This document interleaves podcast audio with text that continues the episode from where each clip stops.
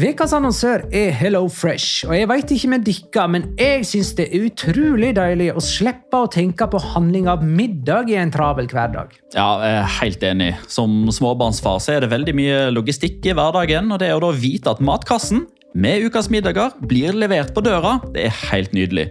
Da slipper du impulskjøp på butikken når blodsukkeret er lavt, og når du kommer hjem, kan du bare ta ut posen med dagens ingredienser fra kjøleskapet og sette i gang matlaginga. Ja, Du kan velge mellom 25 ulike retter hver uke. Og de har faktisk en egen kategori som heter Raskt og enkelt, med masse enkle og gode oppskrifter. Veldig greit å ikke måtte ty til takeaway hver gang det er hektisk på jobb. Jeg gleder meg spesielt til sterk chilikylling i min neste kasse. Jeg blir sulten bare av å tenke på det. Ja, Det er ikke feil med bacon og cheeseburger heller, da. Og det som også er bra, er at matkassen koster det samme hver uke, som gjør det enklere å holde matbudsjettet. Ja, og så blir det ikke matsvinn heller, fordi du får akkurat det du trenger til hver eneste rett. Hello Fresh kan absolutt anbefales, og bruker du koden vår, LIGALOCA, kan du få opptil 1779 kroner i rabatt på de fem første matkastene hvis du ikke har prøvd Hello Fresh tidligere. Du kan også prøve koden hvis du har avslutta abonnementet ditt for tolv måneder siden eller mer. Gå inn på hellofresh.no og bruk koden LIGALOCA. Bon appétit! Hallo? Jeg kommer fra Oslo politikammer. Ine Jansen er purk. Er du purk? The motherfucking bitch. Alt jeg vil, er å finne ut hva som skjedde med mannen min. Jon Carew. Er jeg sikta for noe? Iben Akeli. Det er du. Ole So, Lars Berrum og Big Daddy Karsten. Hvem sin side er du på, egentlig? Anette Hoff, Tone Danielsen, Kommer du fra Afrika? Jørnis Josef, Nesten. Kløfta. Trond Espen Seim. Det er synd å si det, men det var feil mann som døde. Purk. Premiere tirsdag på TV2 Play.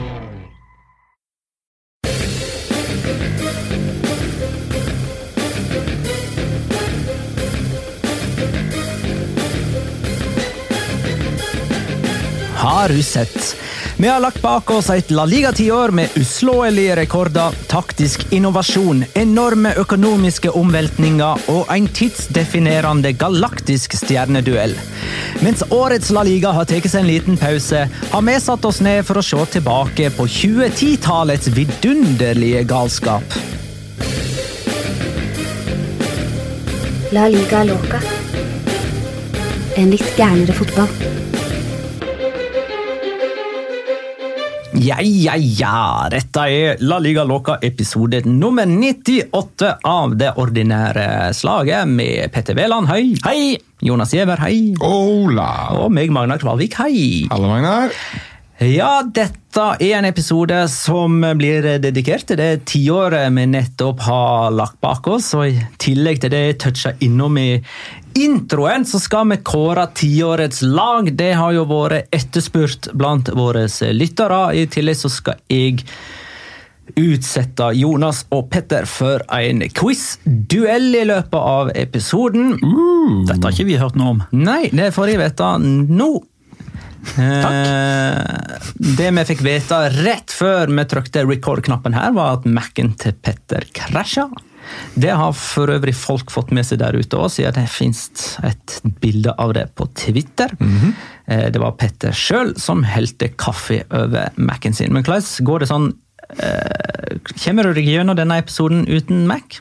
Ja, det vil jo tida vise. Ifølge den eh, globusen som står og spinner på Mac-en min nå, så er det i hvert fall 55 minutter igjen til neste steg, i et håp Ja. om å få det tilbake igjen. Får, får jeg det ikke tilbake igjen, så sier jeg opp jobben og begynner med et helt nytt yrke. Jeg har eh, gitt deg en eh, framgangsmåte for hvordan man kan eh, forhåpentligvis reparere den eh, for egne hender.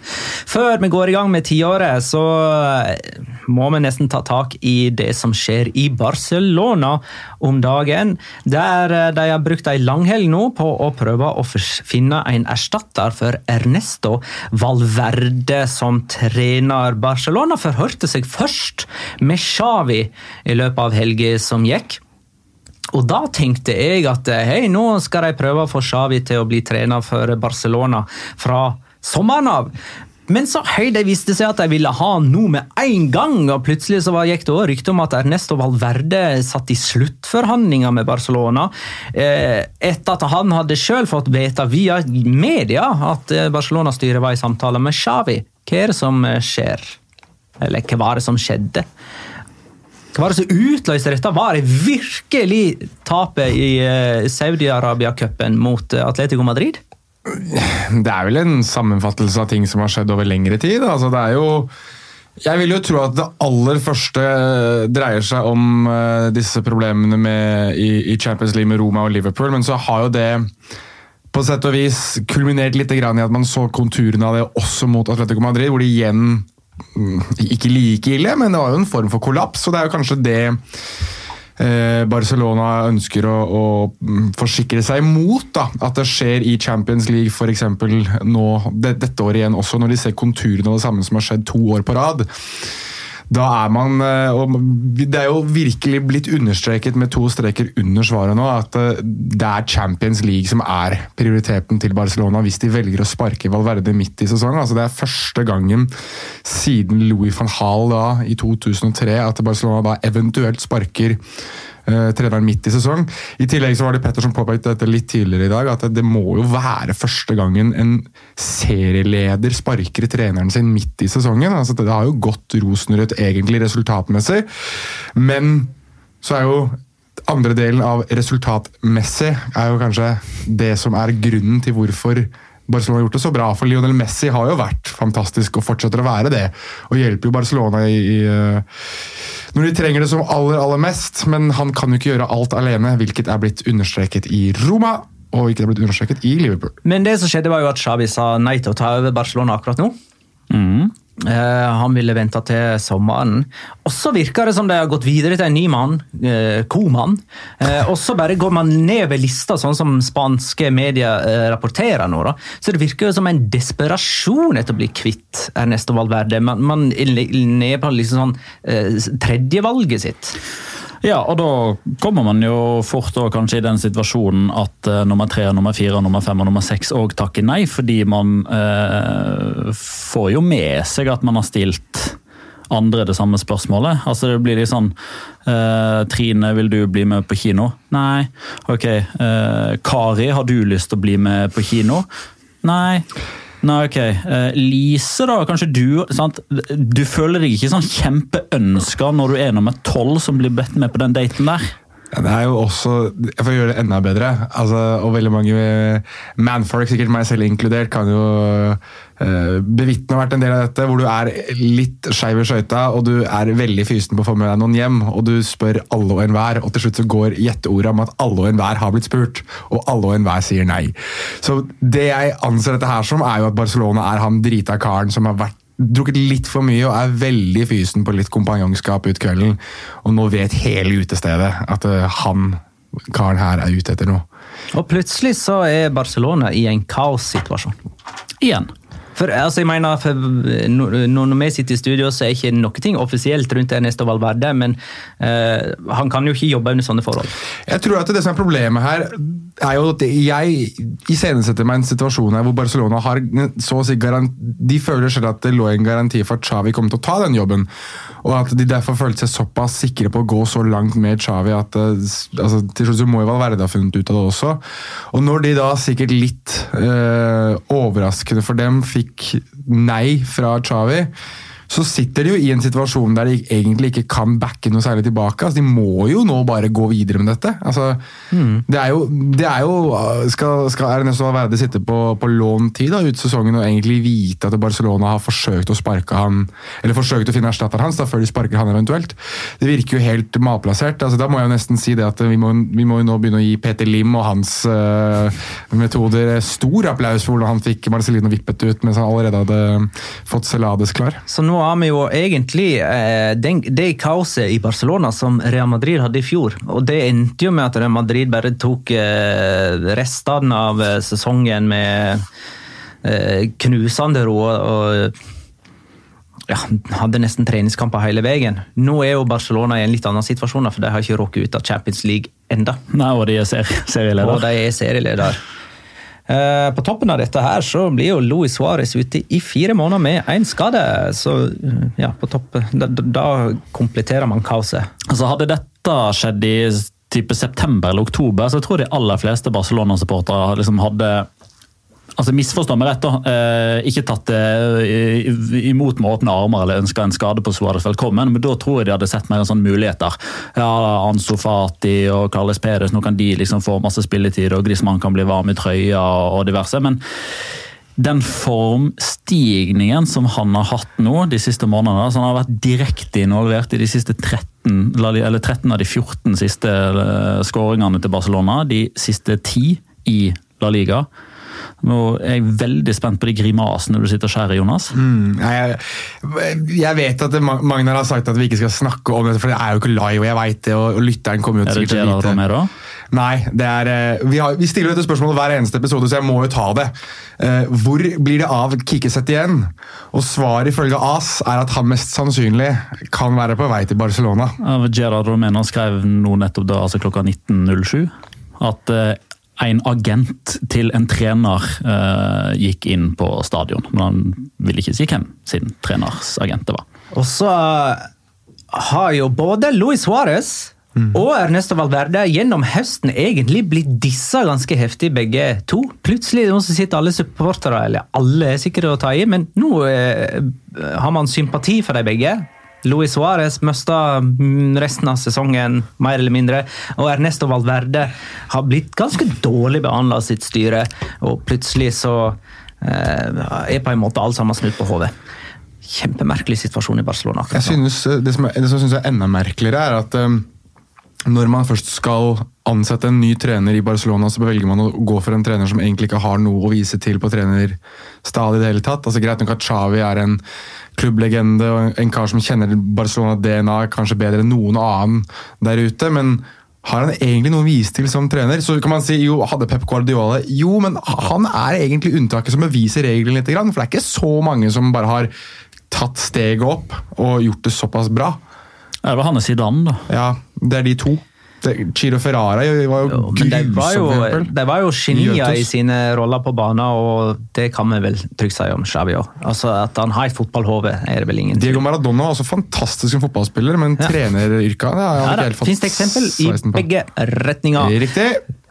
Men uh, hvis vi ser på tiåret vi har lagt uh, bak oss, da, så snakker vi jo et tiår med ufattelige rekorder. Uh, Barcelona blant eksponentene for dem. Et enormt tiår for spansk fotball i det hele tatt. Med, med rekorder jeg tenker jeg aldri kommer til å se igjen uh, i min levetid. Det begynte jo med Spania eller begynte og begynte. Spanias tre på rad. Det begynte for så vidt i 08, men fortsatte jo inn både i 10 og 12 med EM, VM og EM-seier.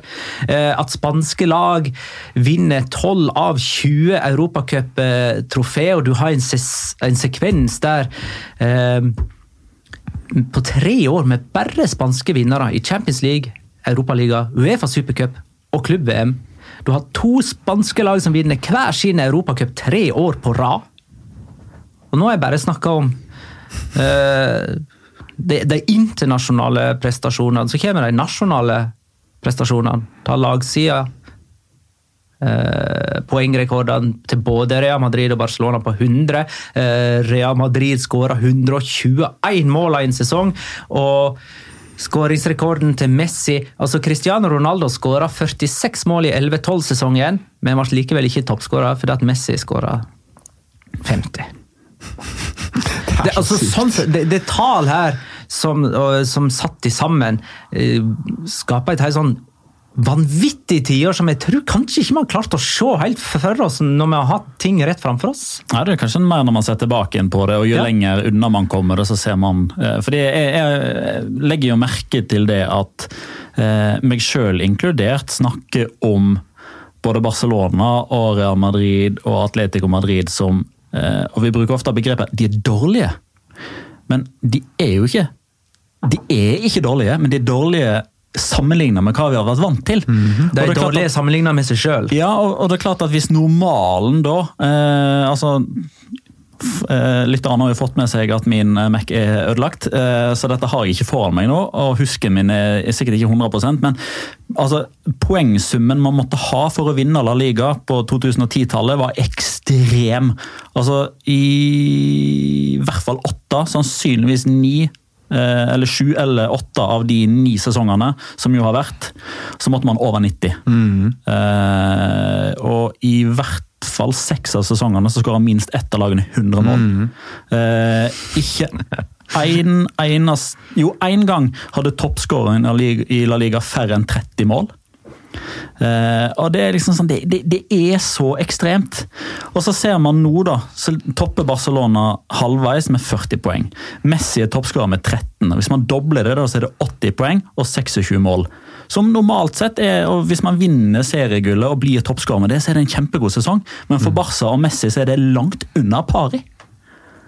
Det er jo altså, den standarden som har blitt satt, da, eller som ble satt den gangen, altså det er jo det, det, er, det er vrient å si at vi kommer aldri til å se det igjen, men jeg har vanskeligheter for å se at noe kan nå det. altså fordi Det er noe med at det, det, jeg tenker at den, det kommende tiåret må bli en nedtur eh, Det på, det. på dette punktet på på, akkurat det punktet her, ja. Men, men altså både prestasjonene og, og alle rekorder altså Du får ikke Spania til å vinne tre mesterskap på rad. Jeg tror Nei. ikke noen kommer til å gjøre det så lenge. Nei, det gjør, det gjør du ikke. og jeg, Du kommer heller ikke, selv om vi har veldig veldig mange spennende unge spillere som kommer opp, så tror jeg ikke du kommer til å få den duellen mellom to fotballspillere som nådde den absolutte høyden av sin karriere og den absolutte høyden hva angår nivå vi har sett noen gang fra to fotballspillere som Cristiano Ronaldo og Lionel Messi. Jeg vet jeg skal inn på det etterpå, Ja. men jeg vil bare skyte inn det veldig fort. at det, det var jo også de to største klubbene på 2010-tallet som hadde de to største spillerne i hver sin klubb. Det var jo det som gjorde dette til kanskje det, det tiåret som jeg kommer til å huske. Sikkert også fordi det var da jeg var eh, eldst, men altså, det er jo det tiåret som virkelig brenner seg inn på netthinnen når du tenker Når var det du så den beste fotballen? 2000 2000-tallet, bra, ja. Du hadde en engelsk dominans. Gøy det, eh, og, og morsomt og, og på sett og vis lærerikt fotballmessig. Men 2010-tallet, det er liksom, den gangen der du virkelig så dette her er noe helt annet. Litt av grunnen til det er, I tillegg til disse individuelle prestasjonene og evnene, er jo den spanske taktiske innovasjonen, som jeg har valgt å kalle det eh, i dette neste segmentet. Altså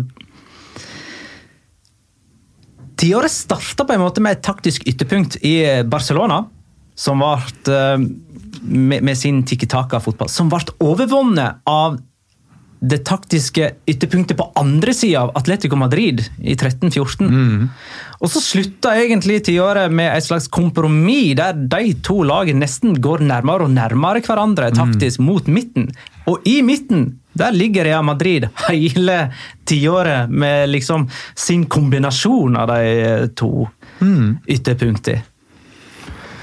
Altså, For å ta det første først, og det som kommer til å være definerende for det tiåret, så er det jo Tikki Taka-fotballen til Pep Guardiola og Barcelona som i sin tid, og også nå i etterkant, selvfølgelig var revolusjonerende. eller Det, var i hvert fall å hente tilbake hjem noe, en form for kunstform da, som kanskje hadde blitt glemt litt. Altså Mange vil jo selvfølgelig si at ja, men det var det samme som Rinus Michels sitt Nederland, eller Ajax på 70-tallet, eller Cruyff sitt Barcelona på starten av 90-tallet. Men jeg, jeg, mm, med fare for å bli historieløs, jeg var jo strengt ikke født mesteparten av disse lagene her, men den fotballen, og ikke bare det at det var så fint i måten fotballen ble spilt på, men hvor effektiv den fotballen i tillegg også viste seg å være, til tross for at det var mye pasninger, det var mye men, meningsløse hermetegn, meningsløse pasninger hit og dit. Altså Det var jo 5-0, 6-0, 7-2 Altså Det var jo Nei, altså Fantasiresultatene Ja. ble vanlige. Nettopp. Og, og ikke bare fantasiresultatene, men fantasifotballen. Altså, måten den fotballen ble spilt på, var idealet for hvordan man som guttunge ble opplært at man skulle dele ballen med laget, og, men samtidig så var det superstjernene i Messi, superstjernene i Niesta, Henri, uh, Via altså Spillere som var inn og ut da, og kom og gikk litt. grann. Men, ikke, eh, ikke Henri like mye, kanskje, men Siden vi er på Barcelona nå, da. Ja. Det Barcelona-laget 10-11-sesongen blir jo av mange vurdert som tidenes beste. Ja. Og det er jo Både pga. de spillerferdighetene du nevner, men òg pga. den taktiske tankegangen til Pep Guardiola. Og Vi ble introdusert for begrep som falsk nier. Eh, Du hadde denne ekstreme ballbesittelsen, og denne overbefolkningen på midtbanen, mm. der det var vanskelig å si hvilken formasjon Barcelona spilte i, for det hadde ikke noen typisk spiss. eh, Og bekkene var gjerne såpass med i midtbaneleddet at du fikk en sånn 3-7-0-formasjon. Det var noen som faktisk Det husker jeg man skrev avisartikler om på, det, på den tiden. Og så dette ekstreme presset med det etter balltap. Eh, så, og, og du kan si Den der dristige oppbyggingen bakfra den er dagligdags i fotball-Europa nå. Og det er heller ikke så uvanlig å ha den falske nieren. Eh, Det er bare sånn at vi, vi påpeker det nesten ikke. at folk eller Roberto Firmino Ja, er jo si eh, for eksempel en, Ja. en sånn type. Ikke på samme måte som Cesc Fabregas og Isco har vært for Barcelona og Spania, men litt sånn, eh, jeg kaller det litt sånn eh, videreføring av begrepet falsk nier. De gangene Luis Suárez har spilt dypere i banen for Barcelona, det har jo skjedd ikke så ofte, men det har skjedd litt grann det òg.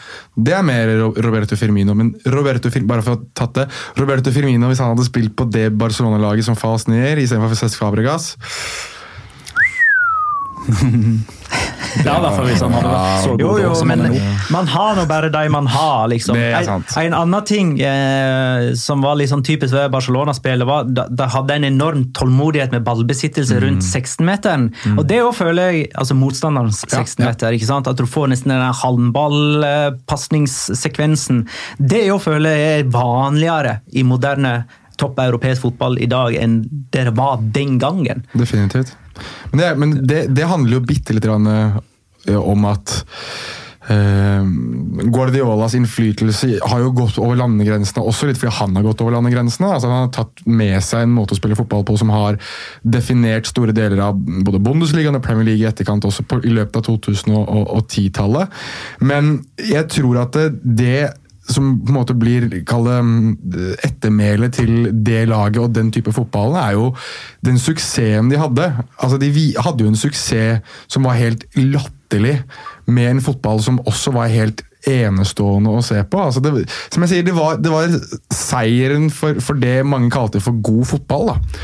Og God fotball har selvfølgelig ekstremt mange definisjoner, men jeg tror bare at det, den måten Barcelona valgte å være tro til én stil, og være tro til den stilen som definerte dem, og var suksessfulle med den, gjorde at man fikk helt, en helt ny måte å se fotball på. Og det er der begrepet revolusjonerende virkelig brukes riktig.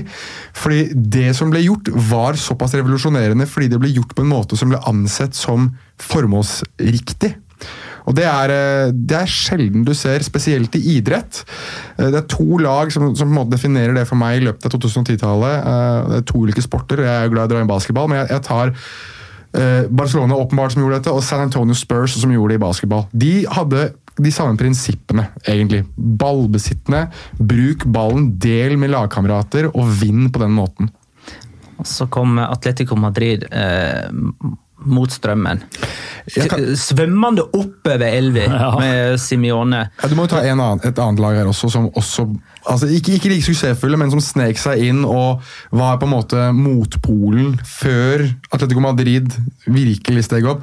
José Mourinho kom Jo, jo, kom jeg har inn. tenkt å komme til han, skjønner du. Du jeg har det? lyst til å ta de to ytterpunktene først. Okay, ja, for, for i motsatt Så lenge jeg veit at Mourinho skala. kommer. Jo, Mourinho kommer. Ja, bra. Eh, Atletico redefinerte så, så, Dette er min påstand, at de redefinerte 4-4-2 som en ny eh, effektiv formasjon. For den formasjonen følte jeg den var ut. altså Den var som vekka. Han kom plutselig tilbake med Atletico Madrid. Så jeg tenker jo Norge hadde jo suksess med, med det her kompakte eh, forsvarsfotballen med ekstreme overganger på 90-tallet, men det var i 4-5-1. Så det var liksom på en måte, det var, det var litt, Den hadde forsvunnet, en 4-4-2, og så kom Atletico og gjorde det på sin måte. Manchester United var vel veldig 4-4-2. Midt på 2000-tallet. Det kan stemme, det, altså. Ja, Men det, var- er klart, men det er klart at den, den var litt vaska ut, og så ble òg inntrykket som Simione satt med sitt 4-4-2 forsterka av at det gikk i ren sånn nevekamp mot Barcelona sin 4-3-3. Det ble liksom den taktiske duellen. Det var Guardiola, Barcelona 4-3-3 mot Atletico Madrid, Simione og 4-4-2. Og den var så stram. Eh, Og selv om den var stram, så var den ikke bundet opp til én spesifikk måte å sette opp laget på eller spille 4-4-2. For noen ganger så eh, Altså det Simione var kjent for, eh, eller en av tingene han var kjent for, det var jo spesielt når motstanden var tøff. Fire sentrale midtbanespillere. I 4-4-2, men da men da var det ikke 4-4-2 i sin reneste tradisjonelle form med to sånne krittkanter som gikk til linja og slo inn. Da var det fire sentrale midtbanespillere fordi man måtte vinne midtbanekampen. Eh, og akkurat det føler jeg er fellesnevneren i både Simione sin 4-4-2 og Guardiola sin 4-3-3. Vinner du midtbanen, Så vinner du kampen. vinner du kampen. Og det var litt derfor også det, falsk nier ble så, som Magne påpekte, hvorfor det ble en sånn slags kaller det 3-7-0, da, hvor, hvor altså, det var nesten Eller 4-6-0. Eller 4-6-0. Altså Effektivt så, så hadde du sentralt i banen, altså sentral midtbane, i midtbaneleddet, så kunne du tidvis ha fem-seks mann altså, fra ett lag, bare fordi at det ble så essensielt å vinne den midtbanen. Altså, det, det er blant annet så, Senere så, så vi annet Liverpool, da, som spilte med diamantformasjon, hentet den tilbake igjen fordi man skulle vinne den midtbanekampen, og nesten vant en ligatittel på bakgrunn av det. Så det er også en måte der Guardiola på sett og vis redefinerte fotballen litt, ved det at sentral, den sentrale linja ble så ekstremt mye mer viktig enn det å vinne de individuelle kampene ute på kanten, som Petter påpekte, som f.eks. Manchester United var så gode på på slutten og midten av 2000-tallet. Uh, Atletico kom jo og skapte en slags under, underdog-trend. Uh, Eh, jo, han, de slo nedenfra, uh, tittelen mot de to store i 13-14-sesongen. Og etterpå så har det liksom kommet sånne bitte små klubber med, med eh, all odds imot seg opp i La Liga. Eibar, Liganes, Girona og Esca. Jeg mener det var Atletico som bare trigga den holdningen om at det er mulig eh, mot alle odds. Eh, Real Madrid sin fotball under Mourinho de satte altså skåringsrekord og poengrekord i eh, 11-12. 100 poeng, 121 mål. Eh, kanskje faktisk eh, en smule undervurdert Ja. periode pga. at eh, Mourinho var i så mye i konflikt der, eller det var i alle fall sånn det slutta. Eh, og kanskje satte dette liksom Ja, og i tillegg så klarte de liksom aldri å få skikkelig has på Barcelona. De, de røp i mange sånne eh, klassiko. Men den kontringsfotballen de spilte, den hadde jeg knapt sett før, og har knapt sett siden. Det må bli kroppfotballen som på en måte måler seg i ettertid. Ja, Jupp Heinkes sitt, Jupp sitt Heynckes. Men, Bayern-lag. men eh, virkelig, der, der har du kanskje en inspirasjon, da. Altså, Men- for men- den kontringsfotballen Real Madrid spilte på den tiden, var helt formidabel. Ja, spesielt med Mesut Özil, eh, som som i regel hadde taktpinnen framover i banen for Mourinho sitt lag, og Cristiano Ronaldo, som var av en annen verden. Altså det, nei, Den kontringsfotballen der, den, den eh, som du påpeker det, det eksisterer flere sånne compilation-videoer på YouTube som bare viser kontring på kontring på kontring på kontring fra Real Madrid, som er Altså, De snakket her i stad om at hvor, hvordan man skulle spille fotball, det ble så viktig under Guardiola, at den fine fotball vant under Guardiola. Men paradoksalt nok så er jo Mourinho kjent som han som ødela mye av fotballen, men hans fotball under Real Madrid var faktisk helt vanvittig eh, blendende å se på tidvis, den også, spesielt i kontringsfasen. Og det er jo tall som understøtter det. Nettopp. Og så syns de jo da, som sagt, at dette tiåret starta med ganske tydelige stiler i hver sin ende av skalaen med, med Real Madrid i midten. Og så har enda tiåret med at alle har blitt mer like hverandre. Så i La Liga i dag så føler jeg at det er Getafe som er nærmest det Atletico Madrid var. Eh, og at det er Søren, nå er jeg jo ikke sett igjen Akkurat nå så er jeg ikke sett igjen her, men når eh, da La Liga ble, eller tiåret var avslutta, så lå Real Betis nærmere Barcelona i spillestilen. Og der, derav er jo poesien i at vi akkurat nå får inn meldinger om at det er Kikiset igjen som sannsynligvis tar over Barcelona. Ja, vi får se, da. vet du. Da, da bønner det tiåret sånn som Ja. eh, det forrige bønte. da. Bare kanskje ikke med fullt så innovativ fotballhjerne som Guardiola likevel. Vi får se. Ja, vi får se, da, vet du. Men du, skal vi ta etter hvert og se litt på eh, det økonomiske tiåret, som, som er ganske fascinerende. Men før det, ta del én av eh, den quizen jeg eh, skal utfordre dere på. Jeg har til sammen seks spørsmål til hver av dere. Bare forskjellige spørsmål. Dere skal ikke svare på det samme spørsmålet. Dere får to spørsmål hver nå i denne, dette segmentet her. Jonas, du, dette her er ditt spørsmål nummer én. Ett poeng å hente. Nevn én spiller Nevn én spiller og bare én spiller som vant La Liga med to ulike klubber. I løpet av det tiåret der. Mhm. David Villa. Riktig! Ett poeng til Jonas. Petter, nevn en annen spiller som vant La Liga med to ulike klubber. Jeg har ikke Mac, så jeg kan ikke huske. Jeg tror jeg har en, faktisk. Um, Ja, det har jeg faktisk. Nei, jeg er usikker. Nei, vent litt nå. Vi må ha et svar. Uh, nei, av en merkelig grunn så begynte jeg å tenke på Courtois, men han har jo ikke vunnet. Kan jeg prøve en? Du kan få prøve. Arda Toran? Riktig! Men den får ikke du poeng på, fordi at det var Petter sitt spørsmål. Begge for Atletico Madrid og Barcelona. Vi er den eneste som vant to år på rad med to forskjellige Ett poeng til klubber. meg. Har du, Nei, det, det har du noen flere? Er det noen flere enn de to? Har du lyst på det? jeg, Så langt jeg har gidda å sjekke, så er de de eneste. Ah, okay. Høgst uoffisielt. Dette, her, dette, er for, for øvrig, dette, dette er mitt høydepunkt i quiz. Jeg kommer til, nå faller jeg som en flue, men dette her er den ene, det ene øyeblikket. Så nå, kos dere med dette, kjære lytter.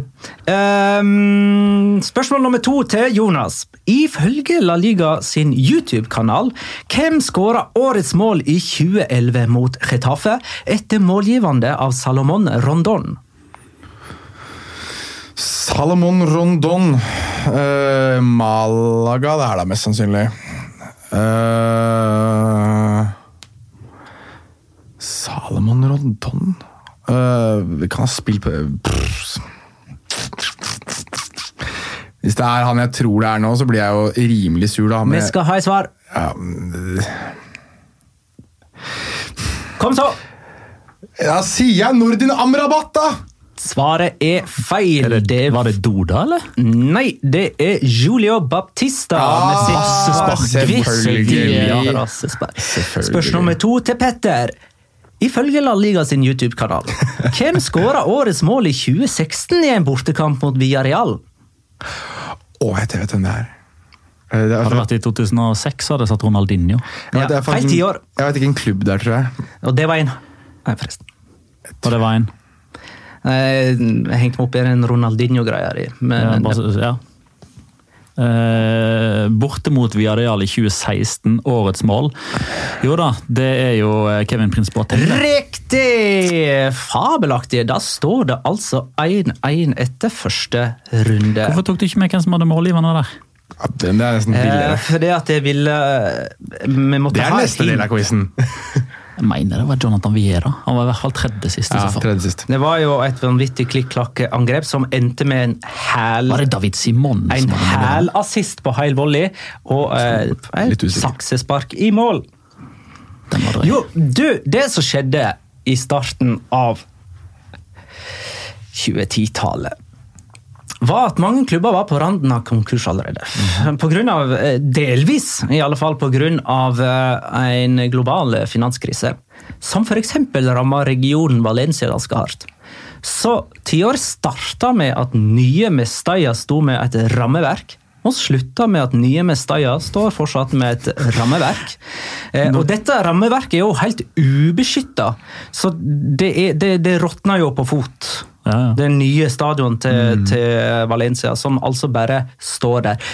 I tillegg Har du tenkt å si Nei, du, du stjal en uh, sånn morsomhet, eller forsøk på en morsomhet, som jeg skulle ta litt etterpå. Uh, vet du hva forskjellen er på nye Mestalla fra 2009 til 2019? Eller skal jeg fortelle hva som er forskjellen? Altså bare vær stille, for det er ikke noe forskjell.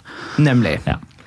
Uh, Valencias nye stadion har stått urørt, uh, urørt hele tiåret, og, og de begynte jo med å selge sin største stjerne for hver sesong. Eh, eh, fordelingen av medieinntektene var jo òg vanvittig eh, forskjellig i begynnelsen. Og det er, så, det er litt funny å tenke på nå, for det at 2019-sommeren eh, det var, Da satte jo La Liga-klubba kollektiv overgangsrekord. Så der har det jo skjedd en utvikling, åpenbart. Eh, skal bare få nevne ting som skjedde. Mallorca ble nummer fem i La Liga i 2010, altså 09-10-sesongen. Men fikk ikke spille Europacup pga. at finansene ikke besto Uefas krav.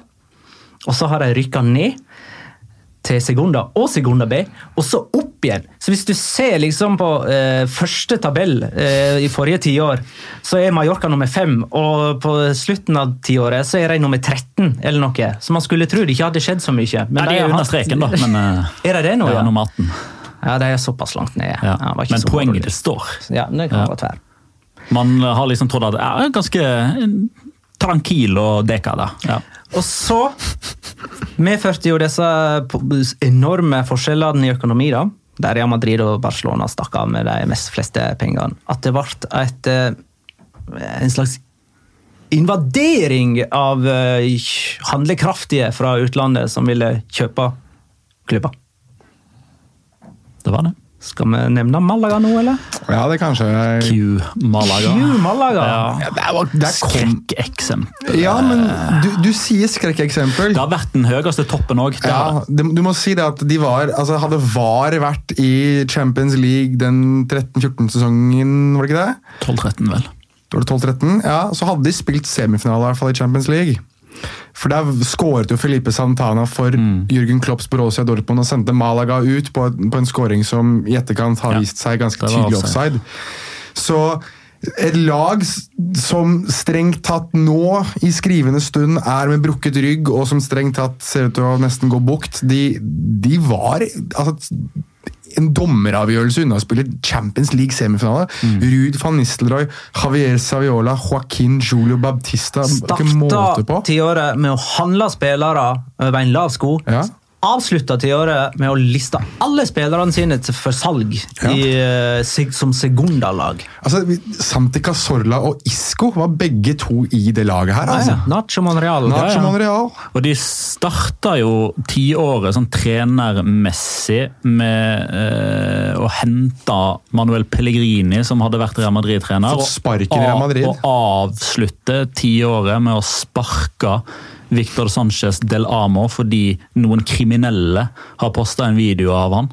eh, Der han gjør ting han antagelig ikke skal gjøre foran offentligheten, da, men fordi han da har eh, en Malaga tekstil, så får han altså fyken da, av Altani og den gjengen der. Som også, det er så viktig å påpeke at Altani er jo mannen som tok de helt opp òg.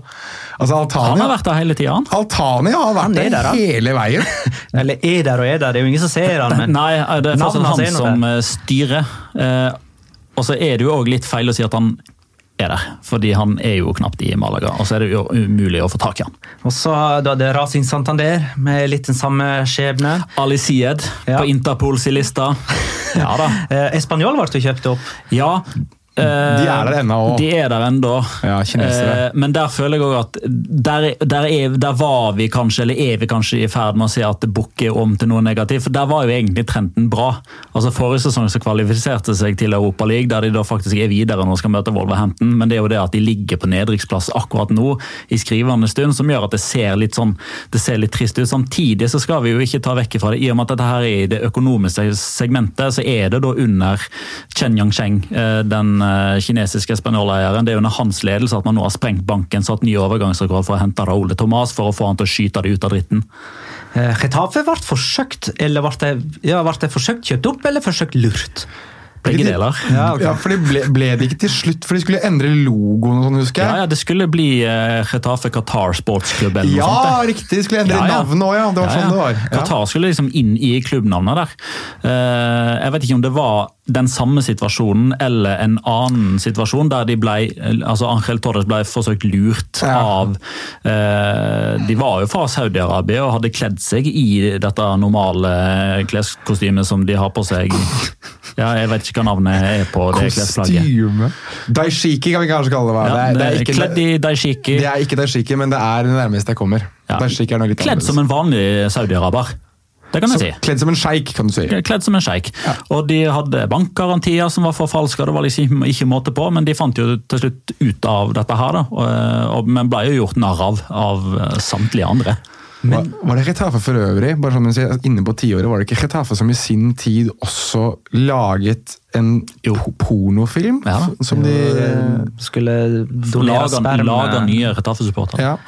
Ehm, men kanskje kan man hevde at eh, det pengeproblematikken for veldig mange klubber nesten førte til et sportslig fortrinn. For det, det var mange der som klarte å tenke ganske smart. Ja. Jobba ganske bra med talentutviklingen, eh, som ble mye viktigere enn stjernesigneringer, som, som jo ikke gikk an. Jo, men det er jo litt sånn at når, når du har eh, avmålt pengesekk å bruke, så må du vri hodet ditt. Du må få mest mulig ut av de få midlene sånn du skulle jeg faktisk ønske det fortsatte.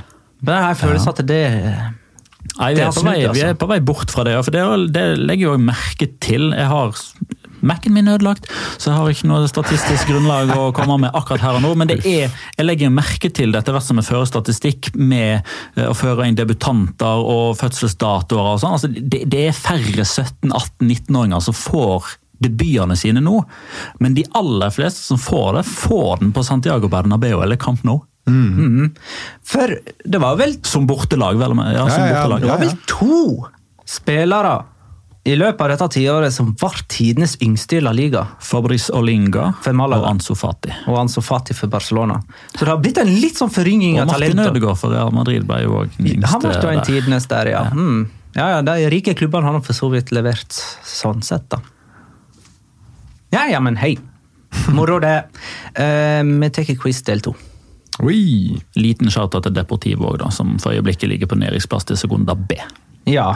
Ja. Siden på klubb med brukket rygg. Ja. Ble de noen gang kjøpt opp? Nei, det burde de ha blitt. Men de har jo en eier som eh, han, Hva het han gamle eieren deres? Cesal Londoiro. Ja, ei, det er Lendoiro. president. Han er ikke der nå lenger. men de har jo en, Han vil jo tilbake. Ja, det er det jeg sier. Han, Ja, det, ja, ja, det var han som uh, ikke fikk fortsette fordi at uh, matregningene hans var for store, og det hadde kosta klubben altfor mye penger. Ja, det var noe sånt, ja. Mm. Og det er ikke kødd engang, liksom. Ehm, ok, quiz del to. Spørsmål nummer tre til Jonas. Ja. Hvem ble matchvinner i Copa del Rey-finalen 2014? Uh, 2014? Gareth Bale? Svar avgitt! Ja. Svar er avgitt. Ja, det er riktig. Hvorfor stilte ikke jeg det? det, Ja, jeg. Hvorfor stilte ikke jeg deg det spørsmålet? Ja, antageligvis fordi det hadde vært for lett, så nå får jeg en matchvinner som ikke kom på. Yes! Spørsmål nummer tre. er bra quiz, Magnar. Liker det her. Den- denne kan, dette. kan nok oppleves som et litt vanskeligere spørsmål. Okay. Jonas. Hva ble det første laget i tiåret som endte på sisteplass i Primera divisjon?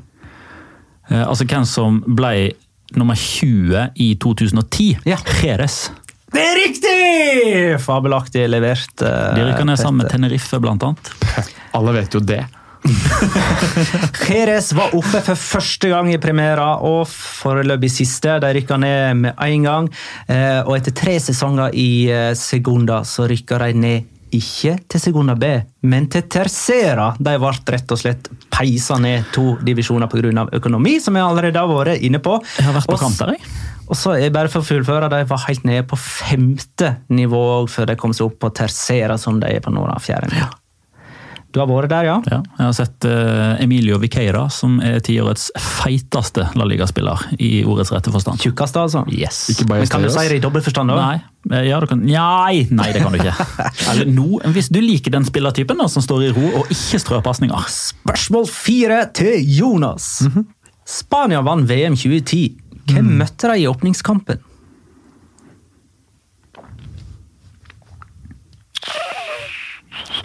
Jeg vil bare skyte inn at Jonas får fryktelig lette spørsmål. Ja, jeg bare husker ikke hvem av dem de møtte først, men jeg gjetter på Honduras.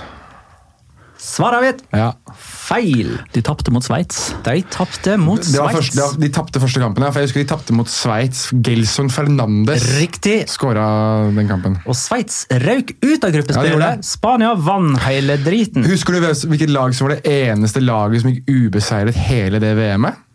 Det er mitt Kan det ha vært Nederland? Nei, det var det vel ikke. Nei, de tapte også en kamp. Jo, Honduras. Nei. Nei, Spania slo jo de. Men det var tre uavgjorte. Det var Nord-Korea eller noe sånt. Nei, de tapte 7-0. Kan det ha vært var i 2014, Paraguay? det. Nei, feil, feil, feil. Nei, det vet jeg ikke. New Zealand Ja, det stemmer. de tapte ingen kamper. Um, da er vi på fjerde spørsmål til Petter. Spania vant EM 2012. Hvem møtte de i åpningskampen? De spilte 1-1 mot Italia. Riktig. Jeg synes at Petter får noen veldig lette spørsmål. Da skåra Sesk Fabregas som falsk nier. Det gjorde han. Etter at Di Natale hadde skåra. De skulle altså møtes igjen i finalen. Ja. Da ble det andre boller. 4-0. Eh, Det var fem store mesterskap i dette tiåret. Tre VM, to EM, og Spania vant åpningskampen bare én gang. Dette er et fellesspørsmål. Kan dere svare på det? Det får ikke poeng noen av dere. Ja, de vant jo åpningskampen i De tapte jo så det sang etter i 2014 mot så- Nederland. Det var første kampen vi så sammen i. Ja, aller første gangen jeg og Petter faktisk møttes. Ja, det er sant. Og så spilte de 3-3 mot Portugal i 2018. 2018, så da er Så de jo i mangler det 2016 da. Ja, mangler Ja. bare den EM 1-0-seieren mot 2016. Tsjekkia, da, der Piquet Piqué ble matchvinner. i Den det så jeg på en strandbar på Mallorca. Det må ha vært kjedelig. Ja. La oss snakke om den galaktiske duellen eh, vi aldri vil få igjen. eh, Sergio Ballesteros mot oh, ja, ja. Morales. Ok. Messi versus eh, Cristiano Ronaldo. Litt sånn yin og yang. Messi som denne vesle, uglamorøse, mot alle odds-stjerna som egentlig skulle være for liten og vei til å ta over verden. Mot Cristiano Ronaldo som den glamorøse, maskinelle dandyen som hadde spilte som en bulldoser. Og i tillegg så spilte de for eh, de to største klubbene, som starta tiåret med disse her, med sånn kontrasterende tilnærming. Barcelona med et akademi som produserte en vanvittig generasjon. Messi som ett av de produktene. Real Madrid som gikk inn i en ny Galactico-æra med Cristiano Ronaldo som den største investeringen. Det som er så kult da, med den duellen her, og du er litt inne på det, Magnar, er jo også litt altså, Ikke bare var de forskjellige spillertyper, men bare utseendet og væremåten til disse to, til Cristiano Ronaldo og Lionel Messi, det var så, de var så motpoler. Altså, Lionel Messi var i alles øyne stille, forsiktig, litt sånn skolegutt. eh, Ville det beste for laget. eh, Hadde ikke de, i hvert fall ikke i starten av tiåret, hadde han liksom ikke de mest ekstravagante hårfrisyrene og gjorde ikke så veldig mye ut av seg. Så endret jo det seg litt med årene, men, men Cristiano Ronaldo var som du sier, dandyen. altså Eh, 2% kroppsfett, alle reklamer, hårgelé, eh, 'jeg er best, jeg er størst'. Veldig stor i uttalelsene sine. Og var liksom feiring, Feiringen hans var ikke med lagkameratene, det var meg, meg, meg, meg. meg. Det, var, det var så motpoler. Hvem hadde eh, sett for seg at eh, det var Messi som skulle ende med å tatovere hele leggen? Og armen. Og, og armen. Og plutselig Og få seg ei bikkje som er større enn åtte år gamle kiden. Og så plutselig eh, bare ha, ha helt hvitt hår Ja. eh, og skjegga seg, liksom. Ja. Eh, mens Ronaldo er jo eh, egentlig bare den samme type som han, som han begynte tiåret Ja, nå har han fått seg manbun, da, det skal sies. Jo, jo, han har gjort ting med hår gjennom hele tiden. Men det er akkurat like mye Ja. hver gang. Det er sant. Den har jo eh, den flytten til Italia magemusklene bare blitt eh, større og større. Men de var jo så forskjellige i spillestil, og de skåra jo helt forskjellige mål, bidro helt forskjellig i angrepsspill. Så ja, det, det var liksom de rake motsetningene, og du får ikke den duellen nå, da. Men, Altså, du kan godt si at uh, vi blir snytt for det pga. at Asard har vært ute med skade denne sesongen, liksom Real Madrids store kjøp, men han er ikke mm, Hvis Messi er yin, så er ikke Asaad yang, liksom. Det var jo helger der hvis Cristiano Ronaldo skåret et hat trick på lørdagen, så skåret Lionel Messi fire mål på søndagen. Det skrev jeg faktisk en blogg om i sånn 2013 eller 2014. At de liksom følger hverandre som skygger. Ja. og at den ene da, altså Dette er jo sånn som alle har konkludert med, at den ene trigger den andre, og vice versa. Men det var jo noe som, noe som Cristiano Ronaldo Det har jeg jo sagt, da. Ja. Ja. Og det Det, er var, det, litt- det var det jeg skulle si. Cristiano Ronaldo sa jo det under Ballon d'Or-kåringen nå sist, eller, eller hva det beste eller hva det var for noe. Og han sa det at hvis vi ser tilbake, vi, altså, vi altså han og Messi skapte historie. Altså Vi gjorde ting som aldri var blitt gjort før, og de motiverte hverandre og pushet hverandre til det absolutte toppnivå. Ja, De leker jo med langtlevende skåringsrekorder. Altså, Hugo Sanchez skåra 38 mål. Når var det? I 1989? Ja. Det var før Jonas hadde sluppet sin første fis. Petter visste jo ikke engang hva som var favoritthamburgeren sin. Ja, Det kan jeg si. Det har han visst hele livet. Det er kjøtt, egg og ketsjup. Og Det bacon. er kjøtt, Ja, bacon og ost. Eller som jeg sa en gang på en eh, McDonald's i det sydlige Frankrike. I want a cheeseburger without cheese. Jeg skulle si with only cheese, men jeg var litt forvirra. Godt jobba. Men eh, altså, bare for å ta, ta skåringsstatistikkene på de to her, da. Altså, mm, i, I løpet av fra, fra 2009-2010-sesongen til 17-18, altså da Cristiano Ronaldo og Lionel Messi møtte hverandre i, i Real Madrid og Barcelona så Cristiano Ronaldo spilte totalt 438 kamper i alle turneringer. 450 mål. Lionel Messi 476 kamper, 472 mål. Hvilket tidsrom var dette? Dette er tidsrommet de to har vært i samme liga. Altså, Ja, okay, Så det gjelder fra og med 09, da? For, det, Ja, vi tar, vi tar med den i, det- for i det Messi har jo skåra flere mål enn antall kamper han har spilt på titallet. Det han. Sånn rett før Ja, det er vel, det er vel ett mål mer, ett mål mer enn kamp. Ja. Jeg lurer på noe sånn 4-21, 4-22 eller noe i den duoen der. Cristiano Ronaldo endte i hvert fall på flere uh, skåringer enn kamper for Real Madrid. Punktum finale. Altså Han har 450 mål totalt for Real Madrid. Han har 438 kamper totalt for Real Madrid. Ja, men i La Liga så var snittet så vidt under én. Det er riktig. Ja, men han var jo kongen av Champions League. Nettopp. Og er vel strengt tatt kongen av Champions League. Sånn som vi har snakka om dette tiåret nå, så føles det som at eh, vi bare går inn i et tomrom, liksom. Eh, går Det kom litt an på forventningene. Ja. Nei, eh, jeg overdriver selvfølgelig, men det er noe. Men fotballen eh, klarer alltid å skape seg sjøl, Ja da. og, og gjenskape seg sjøl. Det gjør den, men, Så jeg, jeg går ikke i, i deprimert inn i 20-tallet. Jeg gjør ikke det, altså. nei, men, men det er som du sier. Men med et savn det, det, kan, det kan godt tenkes Sorry nå, Jonas. Nei, men at, at i mine 30-år, da, det blir på en måte fra nå av eh, min, min, mine tenår. Altså, for, du ser alltid på bak, tilbake på dine tenår som den liksom store nostalgiske perioden eh, som på en måte definerte deg og dine interesser. Men eh, altså, det har blitt redefinert av tiåret for meg. Ja. Er Sånn er 20-årene for min del, da. Ja, for meg blir det jo tenårene. I hvert fall sen, sen, sentenårene. Ja. Sentenårene. Men, men, skryter på seg eh, babybleier, da. Nei, men, men, for å, men for å ta det, da. Altså, du har et veldig godt poeng, fordi at det, det jeg har sagt lenge, og det som på en måte, da, da jeg sluttet litt å delta i disse Ronaldo- eller Messi-diskusjonene altså det, det kom jo litt seint i, i deres epoke sånn i Real Madrid og Barcelona. Men jeg lærte meg i hvert fall mot slutten, og det tror jeg ganske mange gjorde, at til syvende og sist så må vi strengt tatt bare nyte det vi faktisk ser. For det er, sannsynligheten er veldig veldig liten for at vi kommer til å se noe lignende igjen. Vi kommer til å savne det, faktisk. Vi kommer til gæren? å savne det. Og nå, før vi setter opp tiårets lag, skal vi ha en avgjørelse på quizen vår. som er inne i del tre. Det står 3-2 til Petter. Helt jevnt her, altså. Spørsmål nummer fem til Jonas. Mhm. Hvem var toppskårer i La Liga sesongen 15-16? Eh, å, Å, herregud. 15-16 Eh, Jeg går for et lurespørsmål her. Luis Suárez.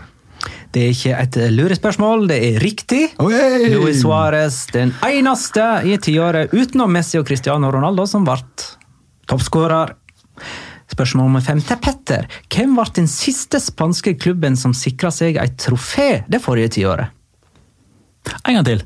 hvem ble den siste spanske klubben som sikra seg et trofé det forrige tiåret? Det forrige tiåret Ja, det tiåret vi har snakka om nå. Ja, ja.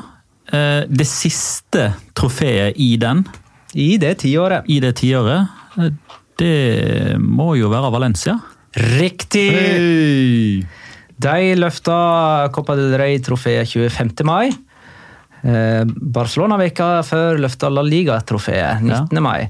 Vanligvis så kommer det noe bøtteløft i august, men ikke i 2019. Nei, eh, sånn var det ikke da. Og det var jo Valencias eneste trofé på titallet. Kan jeg få lov til å si, bare komme med en aktuell ting klokken 19.50? Samtlige spanske medier melder nå Ernesto Valverde ferdig, kickesett igjen. Signerer for mer enn et halvt år. Som betyr at det ser ut til at man har funnet en langtidsløsning. Sånn. Jonas, spørsmål nummer seks. Her er to poeng å hente. Mhm. Atletico Madrid spilte Champions League-finale både i 2014 og 2016. Mhm. Hvem var det de slo ut i semifinalene disse årene? Skal ha to lag. Ja, det ene er Barcelona. Eh, Diego Ribas husker jeg hadde en fantastisk scoring. Vel. Eh, 2014 og 2016 Eh, Å, hvem er det igjen, da? Herregud.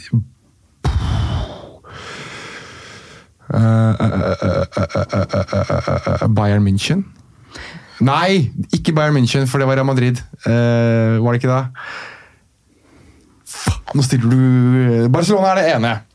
Og så må vi ha et svar! Uh, Bayern München. Yes. Det er riktig, men Barcelona er feil. Er det det som de var feil? Slo, Slo eh, Chelsea. de slo Chelsea. 3-1 på brua i 2014. De slo Barcelona i kvartfinalen. Fernando Torres eh, spilte for Chelsea da. Da står det 4-4. Petter, du kan avgjøre dette til din fordel med spørsmål nummer seks for din del. Sevilla vant Europaligaen tre sesonger på rad. De slo eksempelvis Liverpool 3-1 i finalen i 2016. Hvem var de to andre finalistene ja, Sevilla slo? Kom så. Du, ja, du De slo eh, Dnipro, ja, og så slo de Benfica. ja. Det er riktig. Da har du tre, seks poeng, du, da. Og Jonas fire. Det var jo jevnt og spennende, dette, da. Levde hele veien inn. Levde hele veien. Vi skal sette opp et Ja, tiårslag. Vær effektive. Men eh, har- er dette her òg en sånn eh, episode der vi kan hente fram sånne tidligere spørsmål? Uh, men nærmer oss slutten. Ja. Men uh, vi hadde, hadde jo en sånn føljetong med det sånn Har Mitchell fått fyken? Har sett igjen fått jobb? Nå har jo Eh, faktisk sett igjen fått jobb. Uh, ja, det, det er sånn type påstander for eh, 2019-kalenderåret, tenker du på? Nei, eller? sånn type styrmann uh, kommer jo uh, som regel med Ja. sånt. Ha, ja, men jeg får ta det der neste gang. Ok. Tiårets lag. Der er det to som er sjølsagte. Messi og Cristiano Ronaldo har hver sin kant i en 4-3-3. ja skulle hete formasjonen. Mm, 4-3-3. Ja. Ja. Eh, er det flere som er helt sjølskrevne? For meg så er det i hvert fall én som er helt selvskreven. Daniel Alves. På høyre bekk. Ja. Har du en som du mener Petter, er helt sjølskrevet? Jeg mener det er en eh, keeper som har vært bedre enn alle andre på titallet. Det er Jan Oblak. Ganske sjølskreven. Da kan vi legge til et kriterium her. da. Det må ha vært i La Liga i minst seks av disse ti årene for å komme inn på dette laget. Ja. Det skal vi igjen påpeke eh, litt seinere. Ok, ja, men det er greie Ja. ting å få på plass her. og Jan Oblak kom jo til Atletico rett etter at de hadde vunnet tittelen i Ja. 2014. Eh, så da er Jan Oblak inne. Vi kunne ha hatt Keylor Navas. Var ikke han nevnt som et alternativ? Keylor Navas var nevnt som alternativ. Diego Alves i Valencia Ja, han var nevnt. god, men altså ja, Ja, både Casillas og, honorable mentions. ja, og Casillas og Courtois når akkurat ikke pga. lengde, så Nei. de er liksom ikke med i beregningen. sånn sett. Og, Courtois klarte jo heller ikke å vinne La Liga med eh, Real Madrid, og ble jo ikke en av de som vant La Liga Nei. to ganger med to forskjellige klubber. Ter Stegen var heller ikke lenge nok, vel. Claudio Bravo kunne jo vært nevnt.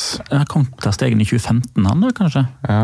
Claudio Bravo kan jo være nevnt 2014, pga. Real Sociedad-tiden Men ok, sin. vi har på Ja, plass anyways, keeper, vi. vi har på plass keeper, og vi har på plass høyre back. Eh, og så tenker jeg Som midtstoppere så har du iallfall tre saftige kandidater i form av Gerard Piqué, Sergio Ramos og Diego Godin.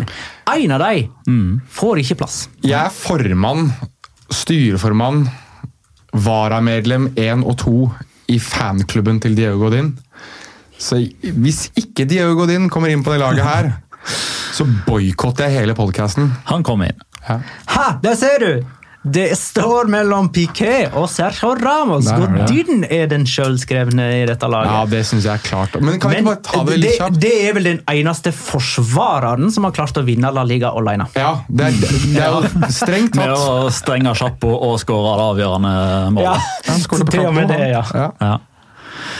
Og da er jo spørsmålet Piquet eller Ramos? Catalonia eller hovedstaden? Og der, vi har jo hatt Barca eller Madrid? Vi kan jo være såpass ærlige her på at vi hadde jo en liten diskusjon på dette før vi gikk inn i studio. Ja. Om, fordi Sergio Ramos Vi definerer jo han veldig ofte som en, en som gjorde kanskje var enda viktigere i Champions League enn i La Liga. Og dette her er jo en La Liga-elver. mer enn det. Vi regner jo ikke da Champions League i dette. Og da har Piquet vunnet Champ eller, eh, Herregud, nå er det La. Liga. La Liga. Han har vunnet Sju ganger. sju ganger på dette tiåret. Det er vrient å gå imot en mann som har vunnet eh, La Liga sju år det tiåret. altså. Ja. Det er liksom Så ikke har han bare jo det to som Champions League-trofeer òg. Ja, det har han Så du kan slenge på de òg, men jeg mener hvis, hvis du skal kun gå La Liga, Ja. Så er det vrient å Ja, gå imot Piqué. det eh, nå. Det ble Piqué. Og så er det jo en uh, lignende duell på venstrebekken. Jeg regner med det Marcelo og Jordi Alba det står mellom der. Ja, vi ville nikka uh, Vi ville, vi ville ha en avslutning på mål fra Filippe Louise òg, men der Ja. sto Jan Oblak og redda. Eh, Fikk ikke gehør fra Magnar.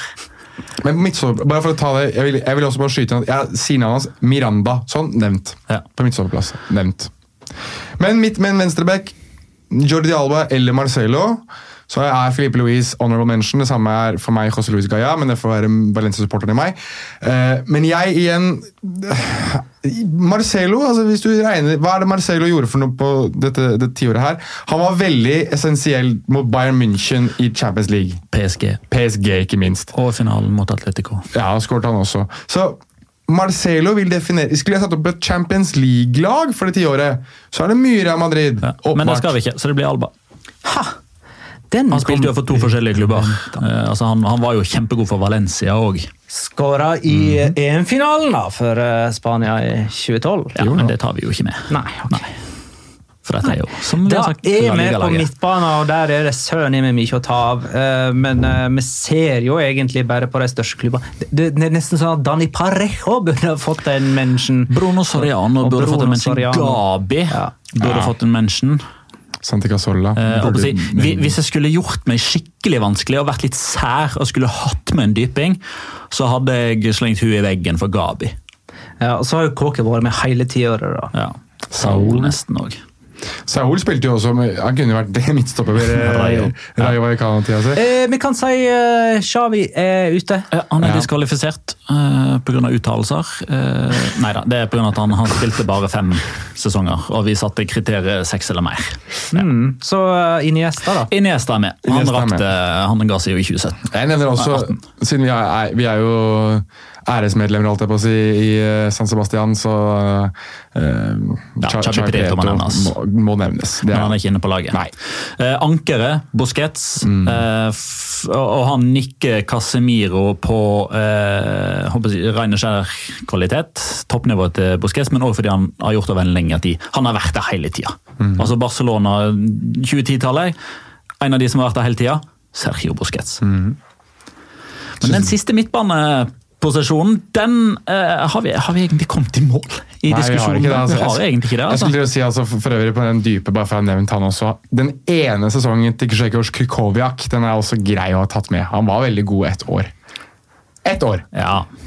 Det er alt, men den andre Ja, da kommer det mange etter hvert. ja da, men, uh, jo, men uh, helt åpenbare kandidater. Xabi Alonso og Luka Modric Ivan Rakitic. Ivan Rakitic. og Tony Cross. Tony Tony Cross. Kroos. Ja. Ja, shit, altså. Jeg- jeg- Jeg er altså så stor fan av Xabi Alonso at eh, jeg tar den. Ja, eh, jeg kan Du har ikke hatt så mange sterke meninger nå, så når du først har en sterk mening, så skal jeg eh, bifalle den. Eh, Så jeg, jeg har Luka Modric på Ja, Ballon d'Or. det- Ja, men Det gjorde han jo også først og fremst for det han gjorde i VM. Så. Jo, jo, men altså, som sagt, hvis du ser over tiåret og du tenker hvem er det som har levert jevnest med unntak av Cristiano Ronaldo i Real Madrid? Det er Luka Modric, altså. Eller kanskje Tony Cross. Nei, Luka Modric. Jeg føler Modric kanskje har toppa ned litt mer, mens Cross har liksom alltid vært Nei, Kroos har vært god, men Det blir en Real Madrid-spiller iallfall. det gjør det. Chabi Alonso, da.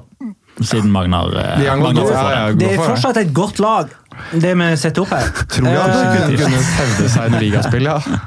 Eh, og så har vi Cristiano Ronaldo på eh, vi sier venstre der, da, og Messi på høyre. Ja. Og så På topp. Ja, Åpenbare kandidater er Luis Suárez, Karim Benzema og Antoine Griezmann mener jeg er en åpenbar kandidat. Og Eh, David. Villa ga seg for tidlig. jeg ville jeg vil ha sagt da at vi skal nevne Du nevner det kanskje du nå? Nei, bare nevn. Ja. Hadde, dette vært, ikke- hadde vi ikke hatt den regelen med seks sesonger, så den, den spissen med høyest toppnivå, mener jeg, var Radamel Falcao. det, han er det beste jeg har sett som ren nier i La Liga det tiåret som var nå. Men han spilte ikke lenge nok, og det er muligens spillere med tall som har forbigått han. Så jeg skjønner at han eh, måtte falt vekk nesten uansett. Og så har spillere som har vært med på å satt farge på tiåret. Diego Costa, men naturligvis ikke god nok i denne sammenhengen. Nicola Kalin Nei, glem det. Nei. Morata. Kjempegod i Real Madrid. Luis, Mor Louis Moriel, eller? Hva syns du om han, Magne? Luke de Jong. Luke de Jong? Ja. Gaiska Tokera. men Bakka Bakka var Oh. ganske god. Bakka er ikke god. Nei, eh, Fernando Llorente Vi må nesten lande på en av eh, disse tre, tror jeg. Ja, altså For å tale Grismannen sin sak, så har han gjort det for tre forskjellige. Gjort det bra for tre forskjellige. Ja, eh, han skjøt jo Real Sociedad til eh, Champions League. Eh, Han var med på altså Han vant jo aldri noe seriegull med Atletico Madrid, men han var med på å ta dem til en Champions League-finale. Han har jo òg noen tall som ikke står tilbake for eh, så veldig mange i Atletico Madrid. og har jo òg satt den eh, jeg, overgangsrekorden i form av å være tidenes dyreste Atletico Madrid-salg for en grunn. Eh, og så har jo Barcelona-perioden starta litt sånn skrantende, og så er vi kanskje litt for opptatt av nuet eh, når vi setter opp et sånt her lag. Jeg føler Tallmessig så er det ingen som kan arrestere Luis Suárez på noe som helst. Nei, det er nettopp det. Um, og jeg føler kanskje det blir det som vipper i hans favør for min del. Ja, nei, altså det, Vi snakket jo om dette, og jeg endte jo litt opp på det samme, jeg også. At det er vrient å komme unna Luis Suárez på bakgrunn av tallene han sitter på.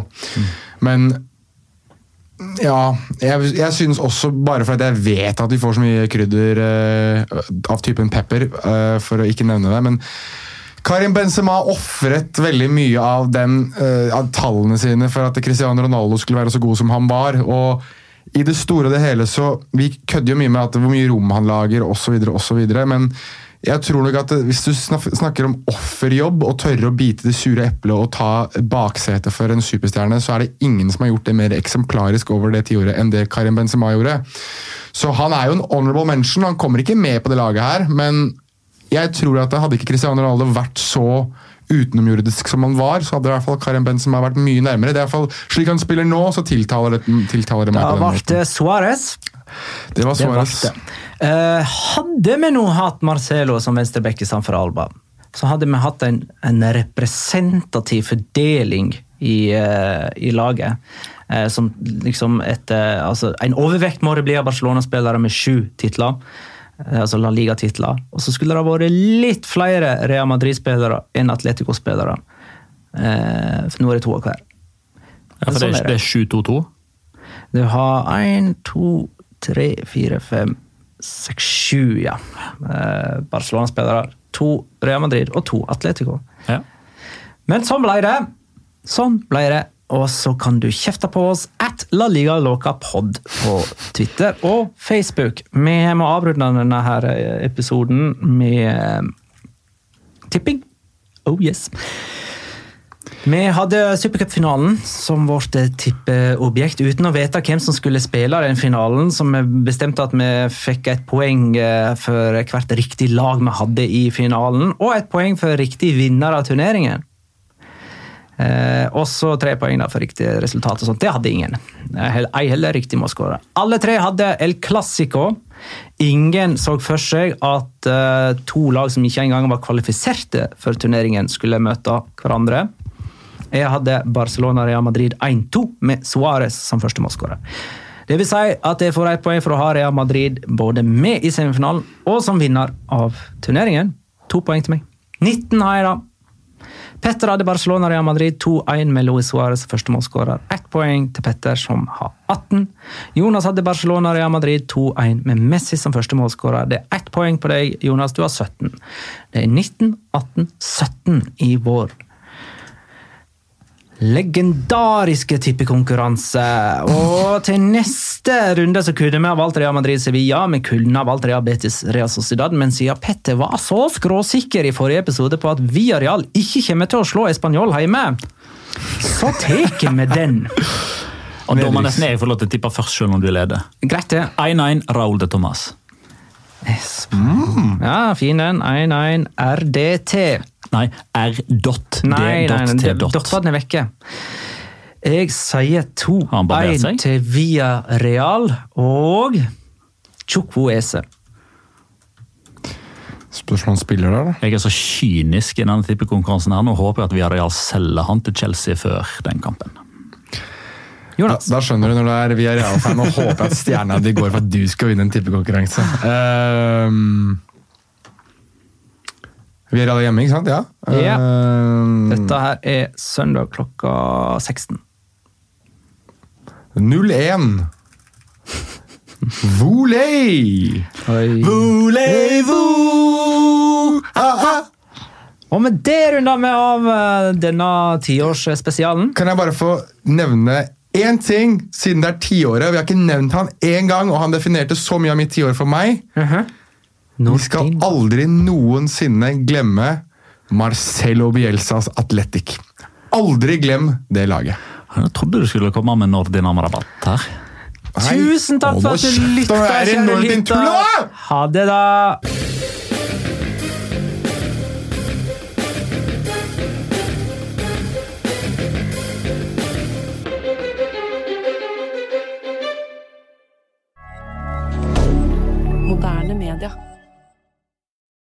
Har du et enkeltpersonforetak eller en liten bedrift? Da er du sikkert lei av å høre meg snakke om hvor enkelt det er med kvitteringer og bilag i fiken, så vi eh, gir oss her, vi. Fordi vi liker enkelt. Fiken superenkelt regnskap.